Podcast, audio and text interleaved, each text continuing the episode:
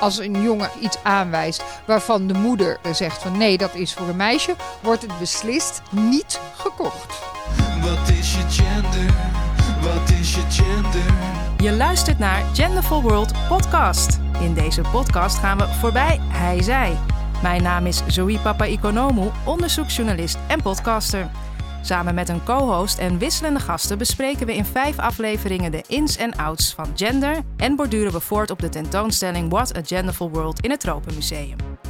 In deze tweede aflevering, Gender en Opvoeding, duiken we in de tweedeling Meisjes-Jongens.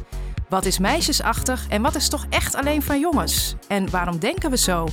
En wie bepaalt dat eigenlijk? We verkennen de denkbeelden hierover in de wereld en hoe we de starre tweedeling hij-zij echt voorbij kunnen. Ik ga dit proberen met mijn geweldige gasten van vandaag. Nanoa Struik, projectassistent bij COC Nederland. Steven Pont, ontwikkelingspsycholoog en systeemtherapeut. En mijn co-host deze aflevering is niemand minder dan journalist Bo Hanna. Welkom allemaal. Dankjewel. Dankjewel. Nou, Bo, ik begin even met jou. Uh, zou je wat meer kunnen vertellen over jouw journalistieke werk? Waar schrijf jij allemaal over? Wat maak jij? Nou, dat is een hele goede vraag. Ik ben dus freelance journalist en presentator. En uh, toen ik begon met schrijven was het vooral over emancipatieonderwerpen. Dus uh, kun je denken aan feminisme, LHBT of uh, racisme. En uiteindelijk ben ik over meer thema's gaan schrijven, omdat ik dacht, ik heb ook andere interesses. Dus nu is het ook over kunst, cultuur, muziek, maar ook het klimaat. En ook over dat woord wat ineens zo heel erg opkwam, genderneutraal opvoeden. Hoe kwam, kwam je daar zo bij uit? Dat was omdat toen ik stage liep bij Vice, toen um, was ik een paar weken ervoor bij een Zweedse vriendin langs geweest. Zij zei tegen mij dat ze haar kind genderneutraal opvoedde. En ik was best wel jong, denk 19. En ik had er nog nooit van gehoord. En ik begreep gewoon eigenlijk niet zo heel goed waar ze mee bezig was. Maar ik vond het wel heel interessant. En uh, ja, zo ben ik eigenlijk in het onderwerp gedoken. En toen heb ik haar geïnterviewd over wat het nou eigenlijk inhield. Maar wat, wat, wat kan je daaronder verstaan? Want ik merkte dat er heel veel verschillende ideeën over leefden. Ja, en dat was dus echt mijn eerste reactie toen zij zei... ik voed mijn kind genderneutraal op. Dacht ik, hè, waar heb je het over? Je kind heeft toch gewoon een gender en daar moet je toch aan vasthouden. En zij probeerde me uit te leggen dat het dus niet het ontnemen van gender is van dat kind...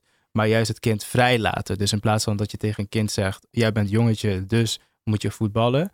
En dus moet jij uh, stoere kleding aan. Liet ze het kind vrij om te experimenteren en bijvoorbeeld misschien ook dansen te doen. Of sporten die worden gezien als meisjesachtig. Maar het is niet dat het kind niet mocht voetballen. Dus als het kind heel graag wilde voetballen, dan was het gewoon oké, leuk voor jou, weet je wel. Maar ze wilde wel zeker weten dat ze haar kind niet een bepaalde richting opduwde. En dat was genderneutraal opvoeden. En toen ik dat begreep, dacht ik, oh, dat is eigenlijk best wel mooi. Want ik had ook als kind dat ik het gevoel had van, oh ja, ik moet voetballen, want dat is wat jongens doen. Terwijl ik voetbal eigenlijk helemaal niet leuk vond. Ja, nou, Noah en Steven, ik zie jullie allebei knikken. Nog even Steven eerst, de ontwikkelingspsycholoog en systeemtherapeut. Eh, jij bent hier ook veel mee bezig. Dwingen wij onze kinderen al heel snel in een bepaalde richting? Zeker, en veel meer uh, dan bedenken. Uh, blijkt in hele kleine dingetjes te zitten. Dat we alleen al de kleuren. Hè, dus ik kom op een kinderdagverblijf. En dan is er een prikbord en daar hangen allemaal geboortekaartjes. En je kunt toch van afstand zien of er meer jongetjes of meisjes geboren zijn. Gewoon uh, de verhouding tussen de blauwe kaartjes en de roze kaartjes. En als je iets nader komt en je gaat ze lezen, dan staat er geboren Bas. We hopen dat het een stoere jongen wordt. Deze tekst is al verzonnen voordat Bas überhaupt geboren is. Dus je, komt je komt niet in een vacuüm ter wereld. Er zijn allerlei psychosociale verwachtingen die voortkomen uit je geslacht. Dat is eigenlijk wat gender is. Dus er zijn allemaal verwachtingen van je bent een jongetje, nou dan dit en dat, uh, dan dit en dat en dan dat is nog tot daar aan toe, maar ook dit en dan uh, niet. Iedereen begrijpt als een, uh, een meisje wil voetballen, dan, dat we dan zeggen, oh ja, dat is heel goed. Want dan, maar dat is veel te groot eigenlijk. Het is veel verneiniger. Het zit hem in, in hele kleine dingen. Kan je een voorbeeld noemen? Bijvoorbeeld dat, daar is de HEMA nu van afgestapt. Maar voorheen, uh, als je kleren ging kopen, hoe jong ook, stond er al of het voor jongetjes of meisjes was bedoeld. He, dus HEMA is daar nu vanaf. He. Dus als je nu naar de HEMA gaat, dan staat er niet meer, maar dit pakje, dat is voor jongetjes en dit is, pakje is voor meisjes. Dat zal niemand ooit opgevallen zijn. Misschien niet eens dat het er nu af is. Dus het zit hem in de, op de vierkante millimeter.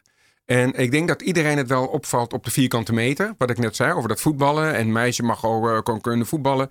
Maar het is veel venijniger en daarmee onbewuster. Germo, misschien toch even een open deur. Maar waarom is dit dan eventueel problematisch? Omdat uiteindelijk waar het in de ontwikkeling over gaat, is dat je je talenten waarmaakt. En als je je talenten niet waar kan maken omdat jij nu eenmaal een jongetje bent, dus jij al vanaf jonge leeftijd hoort uh, jongetjes huilen niet, en jij bent een heel gevoelig jongetje, waardoor je later een fantastische therapeut kunt worden. En dat talent wordt dan vermoord omdat je leert, jawel, maar jongetjes gaan niet over emoties. Ja. En dan blokkeer je dus de ontwikkeling van een kind om geen andere redenen dat wij psychosociale verwachtingen hebben of jij een penis of een vagina hebt. Dat gezegd hebbende, er zijn ook wel hersenverschillen. Dus in de eerste twee maanden van de, van de zwangerschap wordt je geslacht vastgesteld, biologisch. En dan in de laatste helft van de zwangerschap je hersenen. Dus jongens en meisjes hebben wel degelijk verschillende hersenen. Man en vrouw hebben wel degelijk verschillende hersenen. Dan word je geboren. Dan zie je dus al heel snel die gender. Uh, dus ik ben een jongetje meisje. En dan heb je nog de vierde stap. En dat is, jawel, maar jij bent toch een vader en jij bent toch een moeder. Dus er zijn vier stappen die genomen worden, waarbij geslacht leidend is voor wie of wat je eigenlijk bent voor de geboorte en wie of wat je mag zijn na de geboorte. Nou, nou ik, ik heb jou heel veel zien knikken. Ja, ja klopt. Vertel.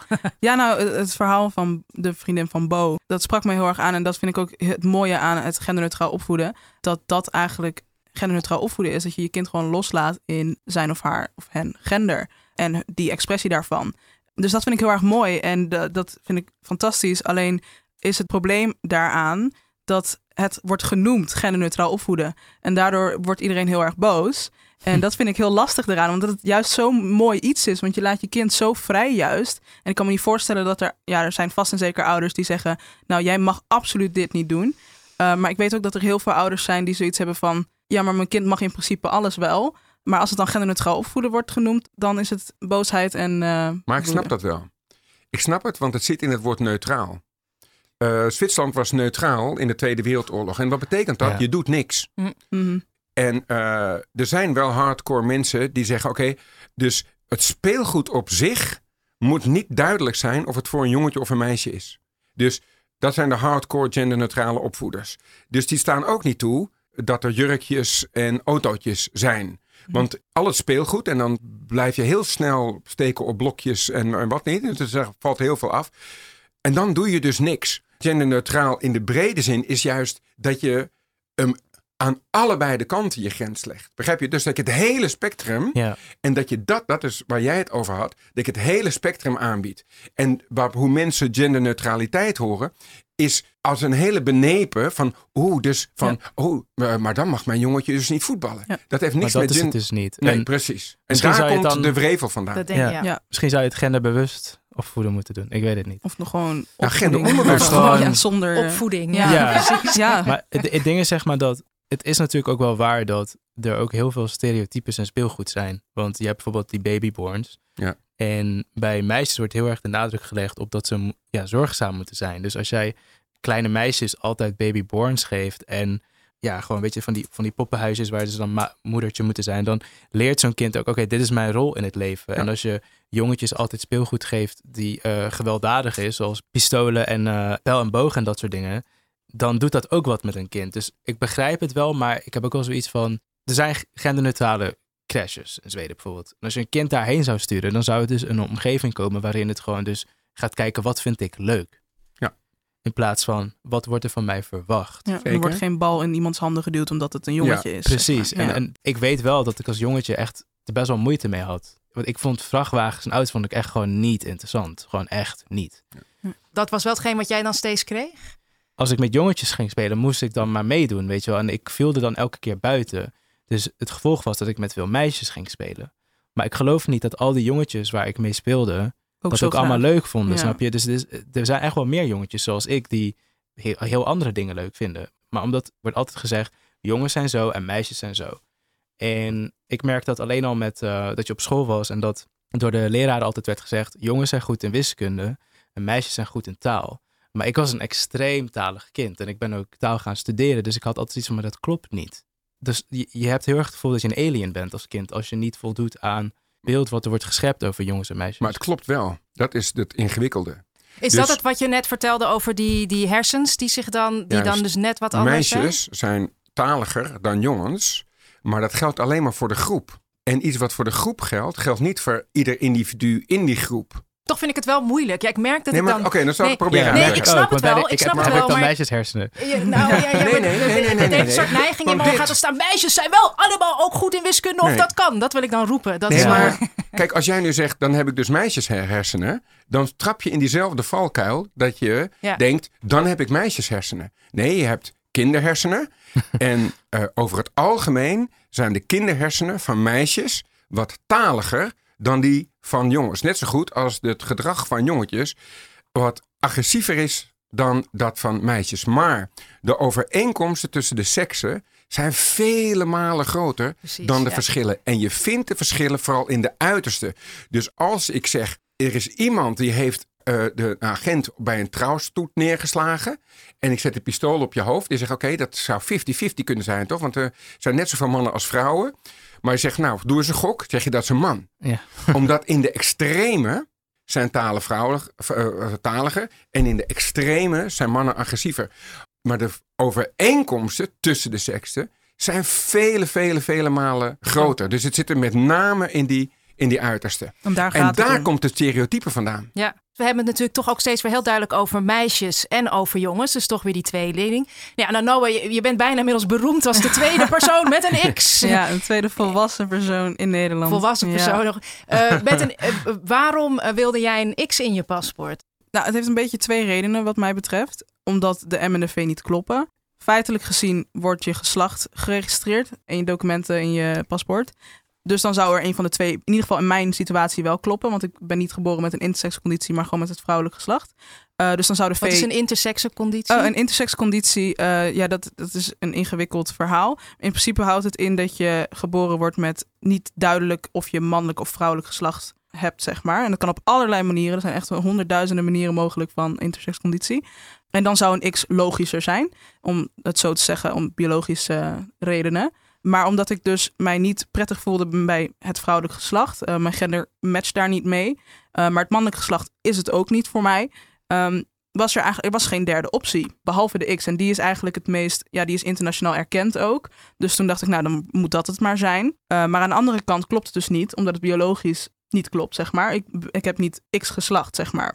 Dus eigenlijk was het daarnaast ook een beetje een statement van hoe belangrijk is het nou nog om geslacht te registreren als ik eigenlijk op zo'n simpele manier een X erin kan zetten, wat dan eigenlijk feitelijk niet klopt. Ehm, en dus heeft het helemaal geen zin om dat te registreren, omdat er dus eigenlijk iets staat wat niet klopt. En eigenlijk is het ook weer een soort tussenstapje voor mij dus naar het afschaffen van geslacht registraties. Steven, wij hadden het hier ook over in de voorbereiding van de uitzending. Toen vertelde je ook van wat hebben- zijn dus heel, hè, in ieder geval in Nederland, een hele binaire samenleving. Dus we denken heel erg in jongens en meisjes. Want we categoriseren dus wel de hele tijd. Zo, dat legt hij ook uit. Maar we voegen er waarde aan toe. Wat, wat betekent dat precies? Nou, discrimineren. We discrimineren allemaal. Want discrimineren wil alleen maar zeggen dat je onderscheid maakt. Dus dat is wat we doen. Dus eh, mensen zeggen, nou, ik discrimineer niet. Dat is eigenlijk niet waar. Het wordt pas een probleem op het moment dat je gewichten toe gaat kennen aan de verschillen. En op dat moment wordt het pas een probleem. Dus ik ben blank en jij bent niet blank. Dat is, ja, ik zeg, nou, nou, dat is helder toch? En ben ik nu aan het discrimineren? Nee, jij bent een vrouw hè, en ik ben een man. Eh, het wordt pas een probleem als ik zeg, nou ja, en daar zitten consequenties aan die verder gaan dan alleen maar de vaststelling dat we verschillen. Er zijn natuurlijk heel veel mensen die zich wel prettig voelen bij jongen of meisje als vaststelling van hun geslacht. En daar, daar is niks mis mee. Eh, het gaat erom dat we de lulligheid uit het, helemaal, maar uit het verschil halen. Hè? Dus we zeggen, oké, eh, eh, meisjes zijn niet zo goed in, in wiskunde. En op dat moment voel je al dat er een soort waardeoordeel onder ligt. En dat is het probleem. Zie je dat ook terug in eh, een meisje die zich wat jongensachtiger gedraagt? Dat vinden we stoer. Ja. En een meisje op voetbal is eigenlijk altijd nog minder erg dan een jongen op ballet. Oh nee. Of dan heb je een sissyboy. Eh, z- Zie je die waarde daar ook in? Want dat ziet, lijkt het er een beetje op dat we vrouwelijke eigenschappen, dat vinden we dan minder. Ja. Zeker. Dus een jongensachtig meisje, die wordt een tomboy genoemd. En daar kun je ook mee aankomen. Maar en, en een meisje achter een jongen, Ja. en- dat is een sissy. En daar zit dat, woorden, dat waardeoordeel ook al in. Ja, maar ik vind het sowieso bizar hoe we eigenschappen toekennen aan gender of zo. Omdat ik denk, waarom is het oké om als meisje gevoelig te zijn en als jongen niet? Dat is toch gewoon een karaktereigenschap die je hebt. Een karakter is toch niet mannelijk nog vrouwelijk, zeg maar. Daar heb ik als kind bijvoorbeeld wel heel erg last van gehad, omdat ik zoiets had van, maar ik ben mezelf, zeg maar. Het is nu niks wat ik nu doe om een meisje te zijn. Ik ben gewoon puur mezelf.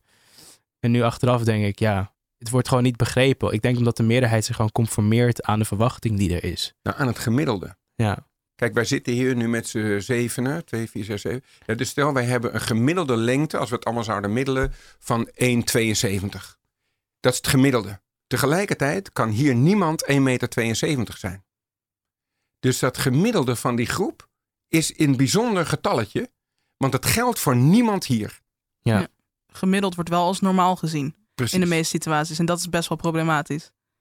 Ja, wat ik me ook afvraag, eh, Noah, want doordat we toch ook wel steeds geneigd zijn om met jongens en meisjes Ja. te spreken, ik kan me wel voorstellen eh, dat jij dan nogal wat tegenkomt als, als jij zegt, ja, maar ik doe daar dus, ik wil niet als jongen of als meisje genoemd worden. Wat, hoe reageren mensen daarop? Nou, eigenlijk, mensen schrikken altijd van het feit dat ik ehm, het anders wil zien. Ehm, omdat zij dan heel erg het gevoel hebben dat ik iets van hun wil afnemen als ik er dus iets bij krijg. En dat zeg ik wel vaker, maar dat is gewoon hoe het is. Want als ik bijvoorbeeld vertel van, goh, ik, ik voel me niet prettig in het mannen- of het vrouwentoilet, dan zou ik graag een derde optie erbij willen. Ik heb helemaal niet gezegd dat het mannen- en het vrouwentoilet afgeschaft moet worden en dat het allemaal neutraal moet zijn. Ik ben tevreden met een derde optie, maar toch zijn er dan mensen die dan heel, ja, heel kwaad worden. Dus eigenlijk heel veel woede wat er, wat er Wat zeggen ze dan speelt. bijvoorbeeld? Dat het belachelijk is dat ik maar gewoon thuis naar de wc moet of het maar op moet houden. Of Nou ja, zeg. ja, dat gaat helemaal nergens over. Ik heb al blaasproblemen omdat ik het al ophoud. Want waar ik kom is er nergens een genderneutraal toilet te vinden. En dat ehm, is dus eh, best wel vervelend. Als de mannen-wc stuk zou zijn, Ja, dan ga ik echt zonder problemen ja. naar de vrouwen-wc. Zonder Ja. dat ik nu denk, ja, maar ik voel me niet prettig, want nu denkt iedereen dat Snap ik een ik. vrouw... ja. Zelfs als maar de bij jou, lang nee, is. maar ik zeg niet dat jij Nee, zo moet ik denken snap als ik. Alleen ik probeer ik snap te snappen waarom het... Het een probleem is. Nou, pro- ja, voor waarom mij- het voor mij het waarom Ja, jij voor niet naar de wc durft Ja, te gaan. voor mij is ja. het gewoon oprecht een probleem. Dat- dat- Ja, neem niet ik over. onmiddellijk aan. Ja, en Maar- ehm, dat is toevallig een, een discussie die ik vandaag ook heb gehad. Niet een discussie, een gesprek die ik heb gehad met iemand die dus inderdaad zich ook hetzelfde afvroeg, maar dan op een iets bottere manier. Ehm, dus het gaat er eigenlijk om dat het voor mij. eh, ik kan niet staand plassen. Dus als er bij het herentoilet alleen urinaars zijn, dan heb ik eigenlijk geen keus. Dus ik ga meestal naar het vrouwentoilet om die situatie te nou, Ja. voorkomen. En iemand leest mij dan als man, dan wordt dat heel erg ongemakkelijk. En dat heeft niet per se direct iets te maken met de mensen in die omgeving, maar meer met mijn eigen gevoel. Maar het is toch het idee dat je het gevoel hebt dat mensen naar je gaan kijken, dat mensen eh, zich bedreigd voelen omdat je dus volgens hun op een man lijkt. Dat heeft weer te maken met die, die rollen die we aan mannen, hè, dat agressieve, wat, nou ja, wat je want net daar, al zei. Ik, kan, ik heb, begrijp dit wel. Want Ja. ik bedoel, ik, ik zal niet een man wegsturen als hij in de Maar vrouwen toch voel je er wat komt. bij. Maar je voelt, Je voelt er is wat bij. totaal anders. Vrouwen doen het wel hoor. Nee, doen het Ja, wel. Ja, zeker. ik Ja, ik word- echt, ik ik word echt weggestuurd, meegemaakt. hoor. Ja, ik ik word word als de rij te lang is, ga ik naar de Ja. Oké, dus het is niet Maar de dat- wc, het zijn de mensen. Het zijn de op- mensen. Natuurlijk, het toilet is overal hetzelfde. Oké, nee, maar goed, Ja, dat is... Inderdaad, het, het is meer de ruimte van het toilet. Dus En je voelt je niet veilig. ik voel me, nee, ik voel me niet veilig als ik naar het herentoilet ga. Dan ben ik bang dat ze het idee hebben van, god, dat is geen echte vent. Die sla ik in elkaar. En bij het damestoilet heb ik het gevoel dat ik hun juist een bedreiging... eh, Oh, oké. Dus dit, dat is het meer, dat echt het Zit in gevoel de van mensen. ongemak. Ja, Ja. In, ja, in de Ja. ruimte en daar zijn. Ja. Ja. Helder. Ja. Ik ben nog eh, nieuwsgierig. eh eh, wil ik even aan jou eerst vragen, Bo. Want we hadden het net zo over die waardes die aan mannelijk en vrouwelijk worden toegekend. Wat eigenlijk dus ooit gewoon bedacht is. En vaker worden dus dingen die hè, mannelijke waar, eh, eigenschappen worden wat hoger gewaardeerd. Het is natuurlijk ook op heel veel verschillende plekken en binnen heel veel verschillende culturen heel anders. Wat voor waarden er ook, of specifieke waarden er worden toegedicht. Meestal is het mannelijke altijd wel beter, helaas nog steeds. Maar eh, kan jij daar wat meer over vertellen? Eh, ja, ik ben zelf met uh, Koptisch-Egyptische cultuur opgegroeid en met uh, de Nederlandse cultuur. En um, ik zag eigenlijk als kind al best wel snel verschil in hoe zeg maar, gender geïnterpreteerd wordt. In het Midden-Oosten bijvoorbeeld, en Egypte ook, als je als man verzorgd bent, wordt dat niet gezien als vrouwelijk. Wordt het gewoon gezien als mannelijk. Heel veel mannen gaan om de week naar de kapper, doen hun wenkbrauwen, baardje trimmen, uh, haar altijd uh, fresh uit laten zien. Strakke shirts vaak. Uh, ja, strakke shirts, veel sieraden om, ringen, dat soort dingen. En in Nederland wordt het vaak gezien als ja, gay of vrouwelijk of dat hoor je niet als man te doen. Dus ik, ik had dat als kind ook al snel door. Dat ik zoiets had van, oh, maar dit zijn echt dingen die best wel haaks op elkaar staan. In de ene cultuur wordt het gezien als mannelijk en de andere cultuur wordt het gezien als vrouwelijk. Dus ja, waar sta ik dan daarin? Maar ook gewoon kledingstukken, heel simpel. Familie die in een jalaba rondloopt. Ja, dat is eigenlijk een jurk. En als je het Westen aan hebt en zegt, haha, heeft hij gewoon een jurk aan, weet je wel, dan, dan, dan is het opeens heel vreemd. Want waarom heb je als man geen broek aan? Dus ja, zo heb ik het altijd wel gewoon gezien hoe absurd het eigenlijk wel was. Ja. Steven, is dat ook iets wat jij eh, ziet, die, dat het op verschillende plekken ook, of dat nou met culturen, of dat, dat, dat er ook verschillende waarden worden toegekend? Nou, dat is dat discriminatieverhaal. Eh, want ik had laatst had, eh, de, een vraag daarover van een, eh, een jongetje dat met in een jurk naar school wilde. En als die ouder eh, daar nu naar mij, mij zou komen, dan zou ik er als leerkracht eh, ook voor kiezen om die dag in een jurk eh, eh, naar school te gaan. En het dan die dag bespreekbaar eh, te maken in de groep, zodat ik zo'n jongetje een beetje eh, uit de wind houd. Niet uit een soort heldendom, maar omdat ik echt geloof, ja, dat is dit jongetje. En ik, ik denk dat er nog wel twee, drie op die school rondlopen. Wat meer, kijk, je moet niet vergeten, de moeilijkheden die wij er nu mee hebben, tot 1973, even voor de goede orde, was homoseksualiteit een psychiatrische aandoening. Ja. En nu zou niemand dat meer zeggen. Dus dit gesprek hadden ze in 1965 over homoseksualiteit. En toen dacht iedereen, wow, waar gaat het over, weet je wel? En nu, eh, wat gevoelig allemaal eigenlijk. Nu hebben we het over gender. En over 20, 30 jaar denken we, oh ja, dat Dat was is een die andere tijd. norm. Ja. Haha, dan Dat- luisteren ja. we deze Ja. podcast Dat, terug. ja, van, nou toen hadden ze het Ja. daarover. Ja, ben jij ook eh, zo positief gestemd, Nanoa? Ja, het is een beetje dubbel. Soms zie ik een heleboel positieve dingen en denk ik, goh, we gaan echt de goede kant op. Maar dan zie ik weer mensen die daarop reageren of wat dan ook. En dan denk ik, ja, we komen er nooit. Maar goed, aan de andere kant, die mensen die daar zo negatief op reageren, sterven allemaal op een keer. En eh, ik heb wel het gevoel dat de kinderen van nu, dat die over het algemeen wat positiever gestemd zijn. Dus ik hoop het, maar ik durf niet Ja, zoveel hoor. meer te hopen. Ja. We gaan straks ook eh, naar de jeugdige buren van het uh, Tropenmuseum eh, luisteren. De negenjarige eh, tweeling eh, Kelvin en Melvin. Maar we gaan dus eerst naar de wat oudere eh, buren van het Tropenmuseum luisteren. We gaan eens kijken hoe gender en opvoeding in de markt ligt. Figuurlijk en letterlijk wel te verstaan. Want onze verslaggever Vinnie Taylor peilt elke aflevering op de Dappermarkt, de buurtmarkt van het Tropenmuseum, hoe gender in deze markt ligt. Nou loop ik op de Dappermarkt en mijn eerste vraag aan de mensen op de Dappermarkt is... Wat vind je van genderneutrale kleding? En nu loop ik langs een kraampje waar ze allemaal babykleding verkopen. En ik zie precies het tegenovergestelde van wat de HEMA een jaar geleden heeft gedaan. Namelijk een hele duidelijke roze afdeling en een hele duidelijke blauwe afdeling. Ja, ik ben gewoon benieuwd uh, waarom geen genderneutrale kleding? Omdat mijn klantgroep altijd bewust roze of blauwe wil kopen. En wat vindt u dan van de HEMA die dan zegt nee, het moet allemaal genderneutraal? Nou ja, als zij dat uh, denken dat het economisch voor hun verantwoord is, dan moeten zij dat uh, zeker niet nalaten. Ik ben, ik ben er geen voorstander van. Als ik de artikelen die ik daar aan de andere kant heb hangen, waarvan ik zeg dat kan voor allebei, dan lopen ze door en kopen ze niets. Maar ook andersom. Als een jongen of een meisje iets aanwijst waarvan de moeder of de vader zegt van nee, dat is voor een jongen of dat is voor een meisje, wordt het beslist niet gekocht. Maar bent u er geen voorstander van meer uit economisch oogpunt? Dat u zegt ik kan gewoon meer verkopen omdat ik een meisjesafdeling en een jongensafdeling heb? Of is het een persoonlijke voorkeur? Nou nee, mijn persoonlijke voorkeur is dat een jongetje ook dat moet kunnen dragen. En een meisje net zo goed blauw moet, zou, zou moeten dragen. Dus nee, dat is weer een ander verhaal. Maar vanuit mijn economische oogpunt... Heb, Als marktkoopvrouw? Ja, heb ik echt de ervaring dat men bewust... Je moet er echt aangeven, dit is voor een jongen, dat is voor een meisje. Geef je een halfslachtig antwoord, ben je de klant kwijt. U zegt, ze vragen aan mij, is dit voor een jongen of een meisje? En dan kunt u toch ook zeggen voor beide? Of voor een jongen? Als ik zou zeggen voor beide, dan ben ik ze kwijt. Maar als ik zou zeggen voor jongen, dan kan ik die gok nemen dat ze het aanvaarden. Maar dan kan ik ook misgaan en dan komen ze er de volgende week mee terug. En dan geloof, is mijn geloofwaardigheid weg, want dan hebben ze het thuis overlegd. En dan wordt er thuis gezegd, nou maar roze is voor een meisje. Hoe heeft, heeft die mevrouw jou dat nou aan kunnen smeren? Echt waar? Ik zweer het je, dat gaat echt zo. Geloof me. Echt waar. Maar wie bepaalt dat dan? Als ze ja. zegt we gaan het thuis bepalen, waar komt dat dan vandaan? Wat ik kan kopen, want dat is natuurlijk ook een onderdeel van het verhaal. Eigenlijk wel een heel groot onderdeel van het verhaal. Wat u inkoopt. Wat ik als hè, ik inkoop, eh, dat is ook bewust meisjesafdeling en de jongensafdeling bij de groothandel. Oh, bij de groothandel heb je ook al en een jongensafdeling en een meisjesafdeling. Absoluut, ja. Klopt. En ziet u in de toekomst misschien dat veranderen bij de groothandel of blijven ze zo conservatief? Ja, dat blijft conservatief. Maar waar, waarom? Bedoel, de samenleving verandert toch ook? Zij kopen in landen waar dat zo blijft. Dus zo ver gaat dat door. Ja, dat gaat zo ver door. Zo moet je het ook echt.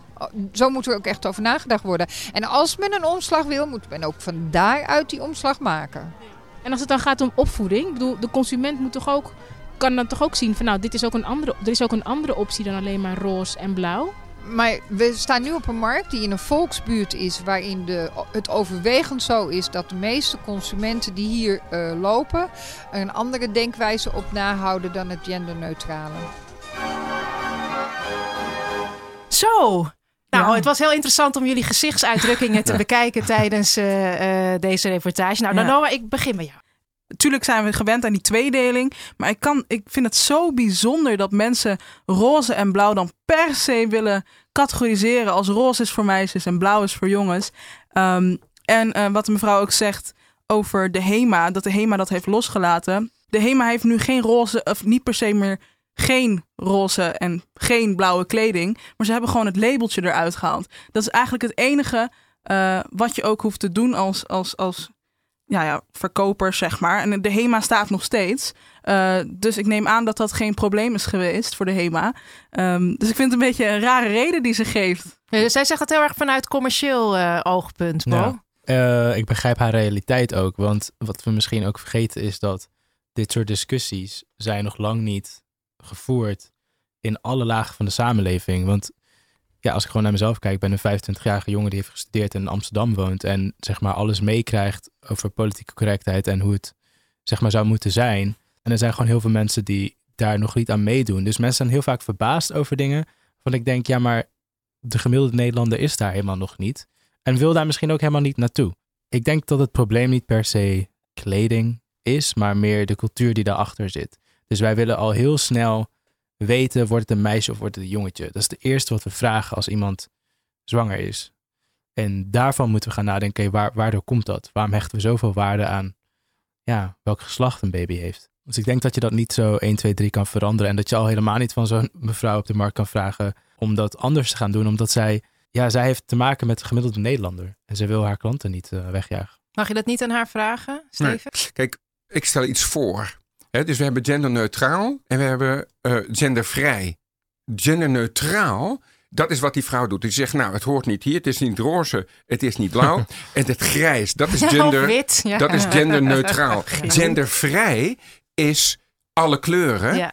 Dat bedoelde ik eh, aan het begin van, eh, van deze podcast. Genderneutraal is, we gaan precies in het midden zitten, maar het moet niet te veel naar links of naar rechts. En het is dus eigenlijk een glas water daarmee. En het heeft geen enkele smaak of kraak. En gendervrij is dat het niet uitmaakt. En dat je dus zowel gewoon alles door elkaar. En niet dat het uitingsvorm daarvan is. Dan hebben we alleen nog maar grijze en witte pakjes.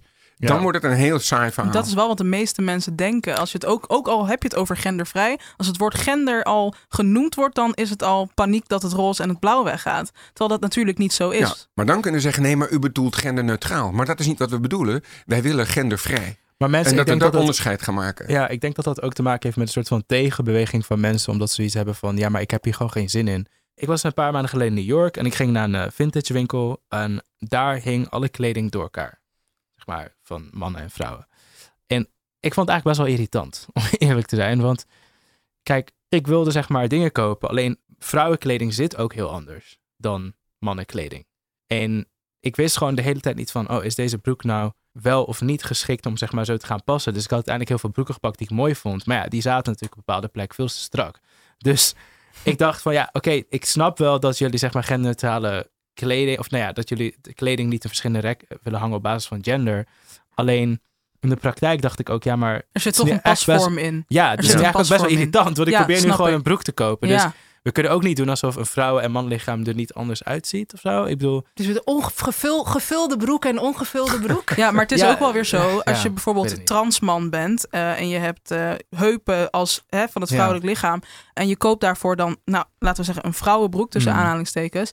Dan is het voor hem een mannenbroek. Dus het gaat eigenlijk gewoon voornamelijk om de pasvorm. En niet meer per se om het labeltje, Van denk man, ik. vrouw. Ja, dus dan dat zou het op een andere manier noemen. bijvoorbeeld wel gecategoriseerd kunnen worden. ja, maar, Maar nu werkte het niet voor Nee, mij. precies. Ik hoorde jou als eerste reactie eh, op het filmpje iets zeggen over ehm, waarom willen mensen toch altijd zo vroeg al weten of het een jongen of een meisje is. Ik heb zelf twee kinderen, twee jonge kinderen en het is een jongen en een meisje. En dat is ook iets wat ik altijd hoor. Oh, wat bof jij, je hebt een jongen en een meisje. Steven, waarom toch die obsessie hiermee?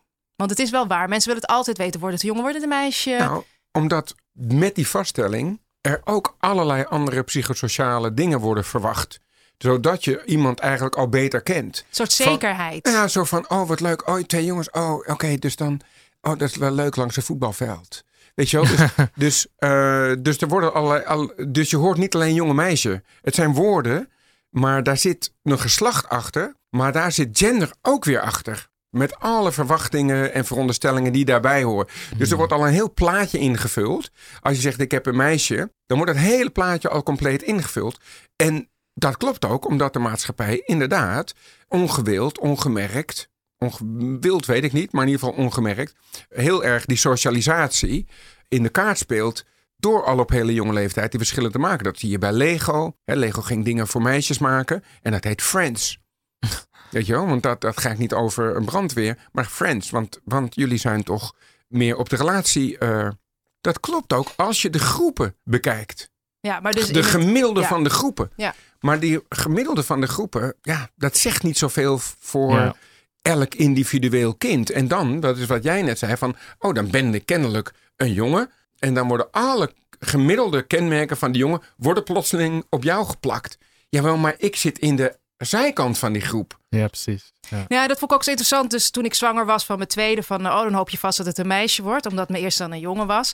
En nou, mijn oudste heeft bijvoorbeeld twee jongens. Nou, die zijn totaal verschillend op heel veel vlakken. Dus het, dus het zei mij niet zo heel erg veel. Maar dat is ook nog wel iets wat ik graag met jullie wil bespreken. Want je hebt natuurlijk je eigen omgeving als opvoeders met, met je kinderen. Maar die buitenwereld komt er ook al heel snel bij. En ik was zelf best wel geschokt. Maar hoe snel van het consultatiebureau tot eh, als je kind naar de kinderopvang gaat. Je wordt zo snel in die twee wegen gestuurd. Ik vind het soms zelf als ouder ook heel lastig om, om daar mijn weg in te vinden en dat vrij te houden, om het zo maar te zeggen. Hebben jullie eh, tips of ervaringen? Ik denk als ik vader zou zijn, dan zou ik mijn kind heel erg serieus nemen en gewoon het gesprek met mijn kind aangaan. Gewoon mijn kind willen leren kennen, zodat ik weet wat het kind wil. Ik eh, huldig dat standpunt. Alleen het gesprek met mijn kind aangaan. En dan ben je dus al twee, tweeënhalf jaar verder. Hè? En, kun je eerst nog niet eh, praten. En daarvoor zitten al hele trajecten. Ja. eh, waarin er is een eh, BBC documentaire. En dan hebben ze mensen gevraagd: Goh, wil jij met dit kind spelen wat je niet kent? En ze hebben meisjes genomen, die hebben ze helemaal eh, jongetjes in jongenskleren gestoken in het haar. dus die mensen die denken dat ze met een jongetje te maken hebben, terwijl ze in werkelijkheid met een meisje te maken hebben en andersom. En die kijken en dat ze denken, oh jij bent een meisje. Dus er liggen bijvoorbeeld kussens met allemaal dieren erop. Met dierenkoppen. En dan gaan ze, die mensen, oh het is een meisje, gaan ze met die dierenkop. Het is in werkelijkheid een jongetje. En omgekeerd ook. En dan, nou, dan laten ze dat een half uurtje doen. En dan gaan ze die mensen uiteindelijk vertellen, weet u dat u met een meisje heeft gespeeld? Terwijl die mensen denken dat ze met een jongetje heeft Ah. gespeeld. En ze schrikken zich allemaal kapot. Want daar speelden ze dan anders mee. Daar zouden ze, ze schrikken van wat ze hebben gedaan in het leven van dit hele jonge kind. En hoe seksenspecifiek ze al bezig zijn geweest. Nou, ik wil je graag zo weer eh, eh, verder over praten. Maar laten we het eerst aan twee jeugdige eh, personen vragen. eh, die nu aan het. Die op dit moment worden opgevoed. zo jeugdig zijn ze. Nou ja, worden we niet altijd allemaal opgevoed. Oké, we gaan eens kijken hoe twee jonge personen die nog vol in hun eigen opvoeding zitten denken over dit onderwerp. Eh, dat betekent natuurlijk dat we gaan luisteren naar de jeugdige buren van het Tropenmuseum. De negenjarige tweeling Kelvin en Melvin. Iedere keer bespreekt verslaggever Vinnie Taylor met hen een object uit de tentoonstelling What a Genderful World. Eh, dit keer zijn dat twee kinderkamers en rarara in welke kleuren. We gaan luisteren. Wat zie jij in de rechterkamer, Kelvin? Een roze fiets. Ik zie een poppenhuis. Een Barbiepop. Ik zie een Dora-tas. Dat was de rechterfoto. Nu gaan we naar de linkerfoto. Wat zie jij, Melvin? Een schild van Kapitein Amerika. Lego. Een zeesbaan. En je ziet ook dat ik de kindjes van wie de kamers zijn, die staan in de kamer, maar die heb ik een beetje weggefotoshopt.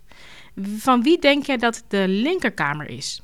Een jongen. En van wie denk je dat de rechterkamer is? Een meisje. Maar waarom eigenlijk? Wat aan de kamer zegt aan jou dat dit een kamer is voor meisjes? Dat er allemaal prinsessenspullen zijn.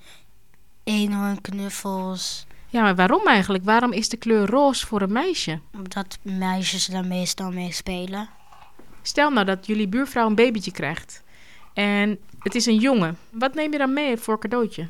Eigenlijk zal het nooit voor een baby kunnen uitmaken. Want ze weten wel dat een meisje of een jongen bestaat. Maar ze weten nog niet wat, wat voor meisjes is en wat voor jongens is. Dus ze gaan het niet uitmaken. Maar gaan ze dat later wel leren, wat voor meisjes en wat voor jongens is? Ze gaan het nooit leren, denk ik, maar gewoon horen van kinderen. Ze horen van kinderen wat voor meisjes en wat voor jongens is. Ja. Jij bent ook vroeger een baby geweest. Wat heb jij gehoord? Wat typisch voor jongens is dan van jouw kinderen in je klas? Eigenlijk heb ik het gehoord sinds mijn vier. Toen ik nog 3, 2 en 1, 0, 1 en 0 was. Toen wist ik nog niet wat voor een jongen of voor een meisje was. Dus ik had gewoon gespeeld met wat ik had gekregen. En toen werd je vier, toen ging je naar de, naar de basisschool. En toen hoorde je wat voor een jongen en voor een meisje was?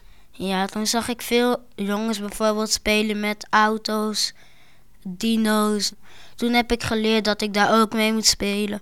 Totdat ik in groep 4, 3, 6, 7. Tot daar heb ik gehoord van ook kinderen. In die groep heb je geleerd wat voor jongens en wat voor meisjes is? Toen ik in groep 3 was, had ik van heel veel jongens gehoord dat, dat ze uh, met actie moesten spelen. En dat er meisjes met hun telefoon foto's moeten maken, op Instagram moeten zetten. Dat zijn eigenlijk een soort van regels, eigenlijk, die jij hebt gehoord op school. En klopte die ook achteraf? Niet per se. Wat klopte er niet aan dan? Uiteindelijk toch wel de, de helft van de klas van jongens met Barbie spelen gaat. De rest denken dat jongens ook met Barbies mogen spelen. En dus dat het eigenlijk niet uitmaakt? Ja. Waarom denk je dan toch dat jij in groep 3, 4 en 5 hebt gehoord wat jongens moeten doen en wat meisjes moeten doen? Omdat ik zie, als ik naar jongens kijk, dan zie ik ze meestal met vechtdingen spelen, dino's, nepschilden, nepzwaarden. En toen dacht ik, ik ben ook een jongen, dus ik ga er ook meedoen met hun. Oh, het was niet per se dat, je, dat iemand tegen jij zei, jij moet dit, maar het was meer, je zag het om je heen en toen dacht je... Zien en toen dacht ik dat ik dat ook moest doen. Nou ja, we hadden het net ook al over uh, de toekomstige generaties. Uh, stemt het jou hoopvol, Bo? Je zat te genieten, zag ik. Ja, ik vond het, uh, ik vond het wel positief. Dat het kind best wel veel doorhad. En wat ik vooral interessant vond, is dat hij zei dat andere kinderen aan elkaar vertellen wat normaal is en wat goed is. Dus het komt niet eens vanuit volwassenen of vanuit samenleving, het komt echt vanuit kinderen. Dus kinderen weten eigenlijk al heel goed jong, vanaf jongs af aan wat de norm is. Het was eigenlijk jouw Um, verhaal, toch? Wat hij vertelde. Met, je, Ja. kun je zei, van auto's en vrachtauto's, ik had er niks mee. Ja, het is zo onnodig of zo, want er zijn dus blijkbaar heel veel kindjes die denken, oh, ik mag dit niet elke dag. En dat, dat vind ik gewoon sneu. En toen ik dat stuk ook schreef over genderneutrale opvoeding, had ik een psycholoog eh, geïnterviewd die eh, daar onderzoek naar had gedaan. En hij had eigenlijk een eh, genderneutrale crash in Zweden heel lang gevolgd. En zijn bevindingen waren ook dat kinderen die in een genderneutrale crash opgevoed, of nou ja, die daarheen gaan, die weten heus wat gender is. Het is niet dat als ze een misvatting hebben van over hun eigen gen- genderidentiteit of wat iemand anders is. Maar het enige resultaat wat hij eigenlijk had gezien was dat kinderen eerder met het andere geslacht gingen spelen. En ook met speelgoed wat niet toegewezen was aan het gender. Dus kinderen waren eigenlijk veel vrijer.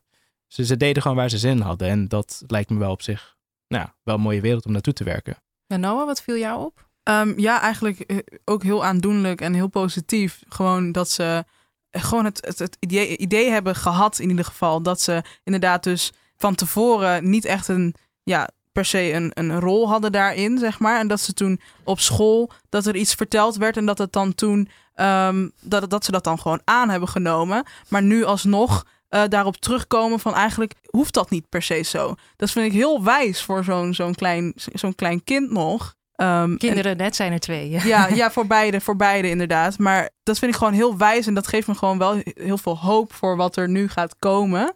Uh, dus ja, dat stemt wel positief voor mij. Ik vond het ook echt heel mooi wat ze zeiden. Alleen om, om ook nog terug te komen, hè, want we hadden het vlak voordat we naar Kelvin en Melvin gingen ook. Boot zei jij van, nou, van ik zou in ieder geval met mijn kind praten. En we dachten kwam ook wel van hoe, hoe iemand zich voelt. En want dat hoor ik ook wel erg bij hun terug. En, en dat is ook wat ik bedoelde. Op het moment dat mijn zoon naar school ging, kwam er echt heel veel. Nou, het begon al eigenlijk op de kinderen op van ja, maar dit is voor jongens en maar dat is voor meisjes. Ja, ja precies. En, en dat, dat hoorde ik hier ook wel een beetje in terug. Ook wel dat ze daar allerlei ideeën over hadden.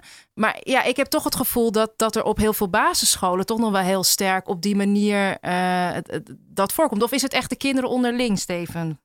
Nee, het is, het is allebei. Het is allebei. Kijk, die kinderen onderling, die zijn ook gesocialiseerd binnen dat paradigma. Dus uh, het zou vreemd zijn natuurlijk. Dus die zijn al, die nemen al de vluchtstrook, de invoegstrook naar naar de maatschappij. Dat is wat de kindertijd eigenlijk is voor een gedeelte. Je, zit, je voegt in naar de mainstream van de maatschappij. En het is dus niet verbazingwekkend dat kinderen dus ook de normen en waarden veelal overnemen die in die maatschappij gelden. Ja, Want daar bedoel, moeten ze later in functioneren. Ja, die kinderen kijken ook Nickelodeon en zien allemaal reclames. Ja. Ja. Voorbij komen van speelgoed. En denken, oh, dit is hoe het moet. Ja. Dat vind ik dus ook wat ik het lastige soms vind. Is dat ik dus me ook wel kan voorstellen dat het als, uh, als ouder gewoon soms best wel ingewikkeld is. Dat je weet dat, dat als je kind zich anders gedraagt. Nou ja, als we het dan nu hebben over man-vrouw. Waar zulke sterke ideeën over zijn. Je ook weet dat diegene het misschien dat je kind het dan heel moeilijk kan krijgen. Dus ook hoort wat jij bijvoorbeeld allemaal meemaakt Noah. Dat, daar kan je dan als ouder ook wel zorgen over maken. Want wat Ja. wil je als ouder? Dat je kind, als opvoeder, als Ja. betrokkenen... je wil dat je kind gelukkig is en blij en zo. Als Ja. je kind in Ja. een jurk naar school stuurt, je je zoon bijvoorbeeld, dan, en je weet dat hij daardoor gepest wordt, lijkt me best wel een moeilijke afweging Ja. om te maken. Ik vind het heel erg dat je dus weet dat je kind gepest wordt. Ja. Het hoeft natuurlijk niet- droevig. Nee, dat is ook al droevig. En het is gelukkig denk ik ook niet altijd zo. En Nee. het is dan heel fijn als je bijvoorbeeld een meester hebt die, die daar een goed voorbeeld in zijn. Maar als we denk ik ook weer reëel zijn, is- zijn er denk ik nog heel veel plekken toch in Nederland en scholen waarop dat best iets ingewikkelds zou zijn. maar ook voor het kind is het, lijkt, me, lijkt het me heel ingewikkeld. Omdat eh, vanuit huis uit kan hij een heleboel dingen meekrijgen. In de positieve zin van hè, gendervrij. Of eh, maakt niet uit wat voor kleur kleren je draagt. En als op school alle jongetjes inderdaad dus zeggen van... Goh, nee, roze is voor meisjes. En het kind komt weer thuis. En eh, die heeft toevallig een roze trui die dag daarvoor gekocht. Dan wil hij die ook niet meer aan. Omdat die, die ingewikkeldheid is voor zo'n kind denk ik ook nog wel vrij lastig. Omdat hij dan ook... Of het, het kind zelf ook niet begrijpt wat hij dan als waarheid moet zien omdat hij echt twee hele verschillende geluiden hoort. Het lijkt me ook wel lastig om als kind zijnde. Kom jij dit wel eens tegen in, in je praktijk? Nou, conformisme loont. Dat is eh, een beetje de, de boodschap die veel kinderen krijgen eh, natuurlijk. Ehm, en eh, de, de inverse daarvan is pesten. Dus zij die zich daar niet aan houden, die aan de buitenkant zitten, worden verstoten om de identiteit van de groep eh, sterker te maken. Dus pesten heeft een relationele betekenis. Namelijk, als wij nou allemaal dezelfde mensen pesten, of het nou bevolkingsgroepen zijn, of individuen, of op, op kleur, of op weet ik het allemaal. Dan hebben we daarmee die mensen gedefinieerd en daarmee ook onszelf. En wij hebben ons als groep gedefinieerd en we staan boven die groep die we pesten. Dus eh, conformeer je, eh, want aan de buitenkanten is het koud. Ja. Ja, we moeten gaan afronden helaas. Het is zo moeilijk, want het is zo interessant om erover door te, te praten. Ik zou denk ik eh, als laatste toch aan jullie willen vragen... wat zouden jullie kinderen of opvoeders willen meegeven hierover? Steven. Ja, bied zoveel mogelijk dingen waardevrij aan. En dat betekent dat het je niet uitmaakt wat de geslachten van je kind zijn, maar dat er zowel een keukentje staat als een paar vrachtauto's, als het hele spectrum en niet al het speelgoed natuurlijk. En volg je kind in wat die daaraan eh, beleeft. En dat geldt uiteindelijk voor de hele ontwikkeling van een kind. Is dat ze zoveel mogelijk tegen moeten komen en zij moeten plukken wat bij ze past. Mooi. Bo? Ehm, ik denk dat ik kinderen zou mee willen geven dat in jezelf zijn, dat daar kracht in ligt. Zeg maar, kinderen pesten jou, maar het komt omdat je opvalt en jezelf durft te zijn. En eigenlijk stoer bent eh, en durft te doen wat je wil. En dat, dat je daardoor eigenlijk niet moet veranderen, maar jezelf, vooral jezelf moet blijven.